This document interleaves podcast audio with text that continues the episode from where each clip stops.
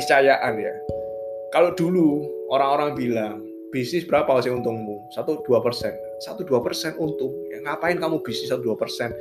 Langsung aja masukin ke bank. Ya.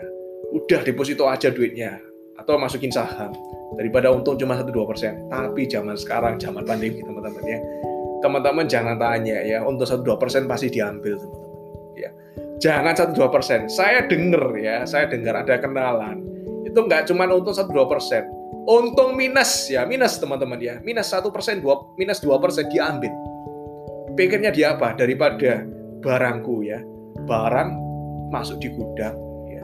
Nganggur mending dijadikan cash ya. Nggak apa-apa rugi satu dua persen nggak apa-apa. Mending duitnya jadi cash. Lebih aman lebih safe untuk zaman sekarang. Bahkan ya pengusaha ya pengusaha entrepreneur pun untung minus satu persen, minus dua persen pun diambil. Kalau teman-teman dikasih yang namanya untung 10 persen, di atas, di atas itu 5 persen, 10 persen, udah merem teman-teman ya. Sudah apa?